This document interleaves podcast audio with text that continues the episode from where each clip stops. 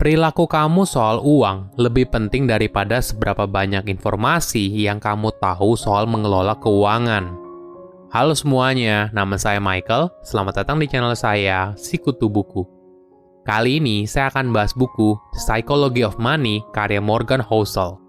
Sebelum kita mulai, buat kalian yang mau support channel ini agar terus berkarya, caranya gampang banget.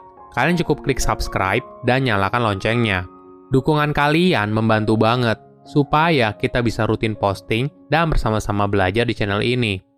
Buku ini membahas bagaimana hubungan manusia dengan uang dari sudut pandang perilaku manusia.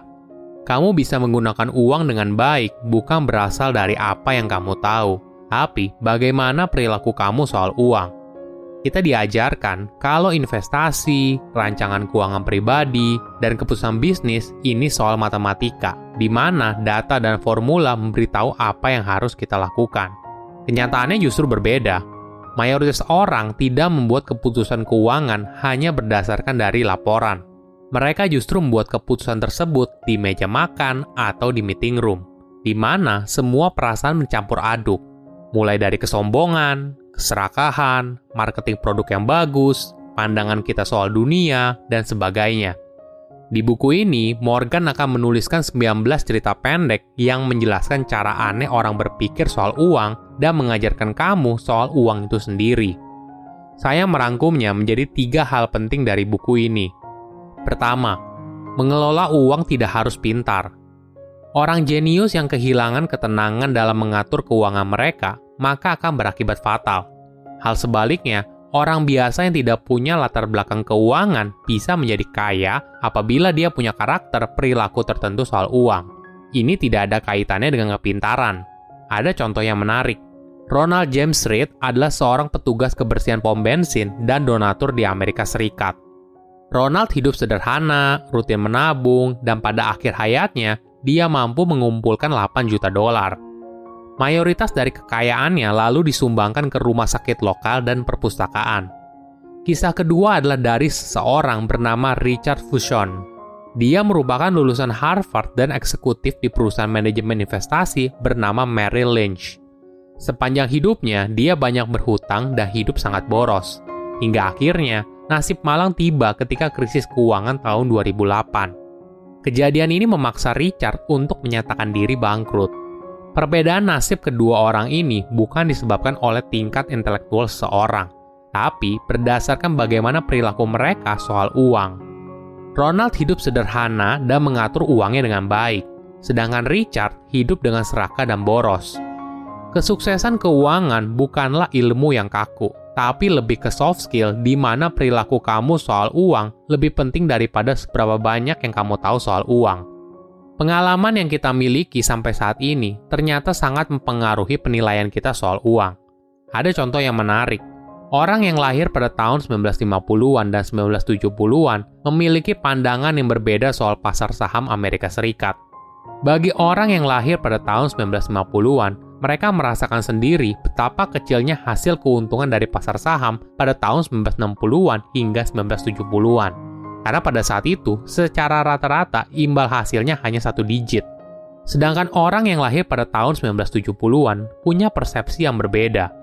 Mereka melihat pasar saham dalam kondisi naik pada tahun 1980-an dan 1990-an.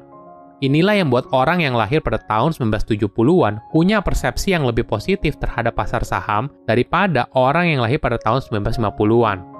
Contoh ini membuktikan kalau kita tidak bisa melupakan pentingnya pengalaman pribadi seseorang dalam membuat sebuah keputusan. Kedua, fakta unik soal uang. Ada cerita yang menarik antara dua orang penulis, Kurt Vonnegut dan Joseph Heller, yang sedang berada di sebuah pesta seorang miliarder. Kurt bilang ke Joseph kalau penghasilan miliarder itu dalam sehari lebih besar daripada seluruh pendapatan Joseph dari novel paling populernya. Joseph pun menjawab, "Betul, tapi dia punya sesuatu yang tidak mungkin dimiliki miliarder itu, yaitu rasa cukup. Kita memiliki kebiasaan untuk membandingkan diri kita dengan orang lain. Ini adalah proses yang tiada akhir dan akan selalu ada orang yang di atas kita. Ibaratnya, di atas langit masih ada langit. Yang paling penting, kita harus tahu rasanya cukup.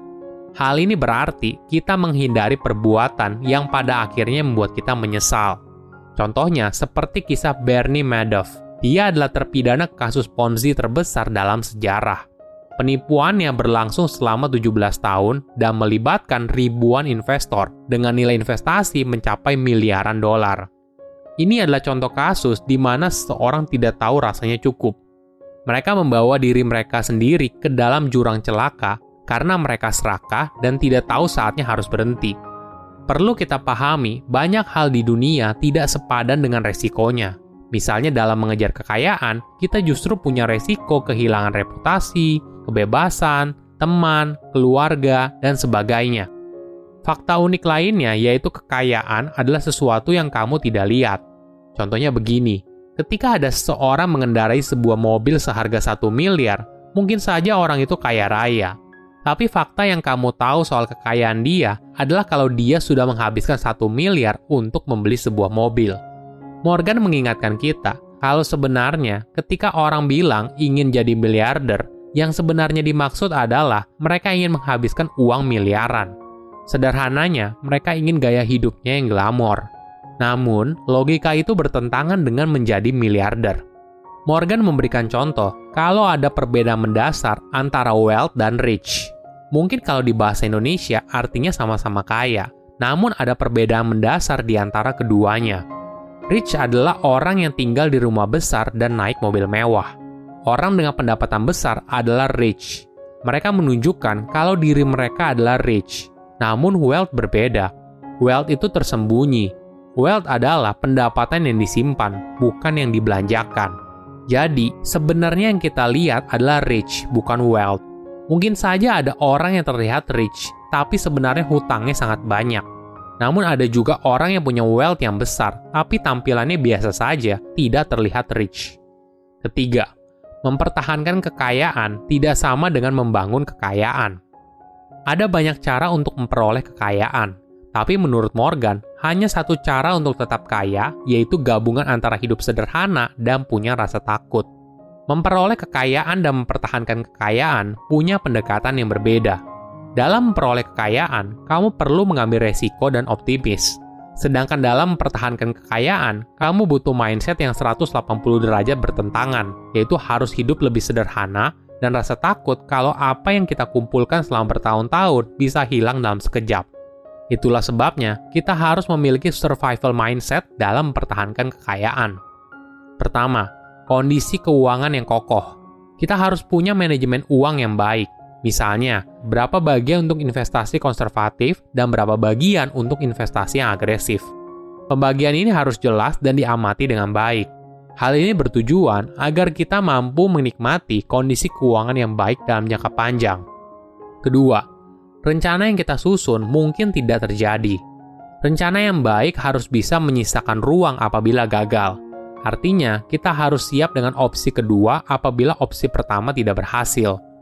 Seorang venture capitalist bernama Michael Moritz pernah bilang kalau kita tidak bisa berasumsi besok akan seperti kemarin.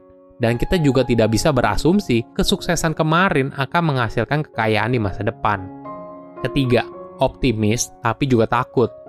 Mungkin bagi sebagian orang hal ini cukup membingungkan, tapi esensinya adalah kita harus optimis terhadap masa depan tapi kita boleh merasa paranoid pada rintangan yang kita hadapi saat menuju ke sana. Tentu saja, hal ini lebih menekankan kamu harus selalu mawas diri dan waspada dalam mempertahankan kekayaan. Ada fakta sederhana yang jarang orang pahami soal kekayaan Warren Buffett. Dia bukan hanya seorang investor yang hebat, tapi dia adalah investor yang hebat selama 75 tahun lebih. Ini adalah rahasianya Kesuksesan keuangan Warren bukan berasal dari mencari imbal balik hasil setinggi-tingginya, tapi bagaimana kamu bisa mendapatkan imbal hasil yang relatif bagus dalam jangka waktu yang panjang. Inilah yang akhirnya membuat compound effect bergulir sangat kencang dan mindset yang seharusnya kita miliki saat mengumpulkan kekayaan.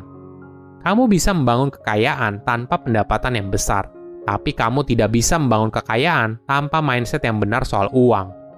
Silahkan komen di kolom komentar pelajaran apa yang kalian dapat ketika baca buku ini. Selain itu, komen juga mau buku apa lagi yang saya review di video berikutnya. Saya undur diri, jangan lupa subscribe channel YouTube Sikutu Buku. Bye bye.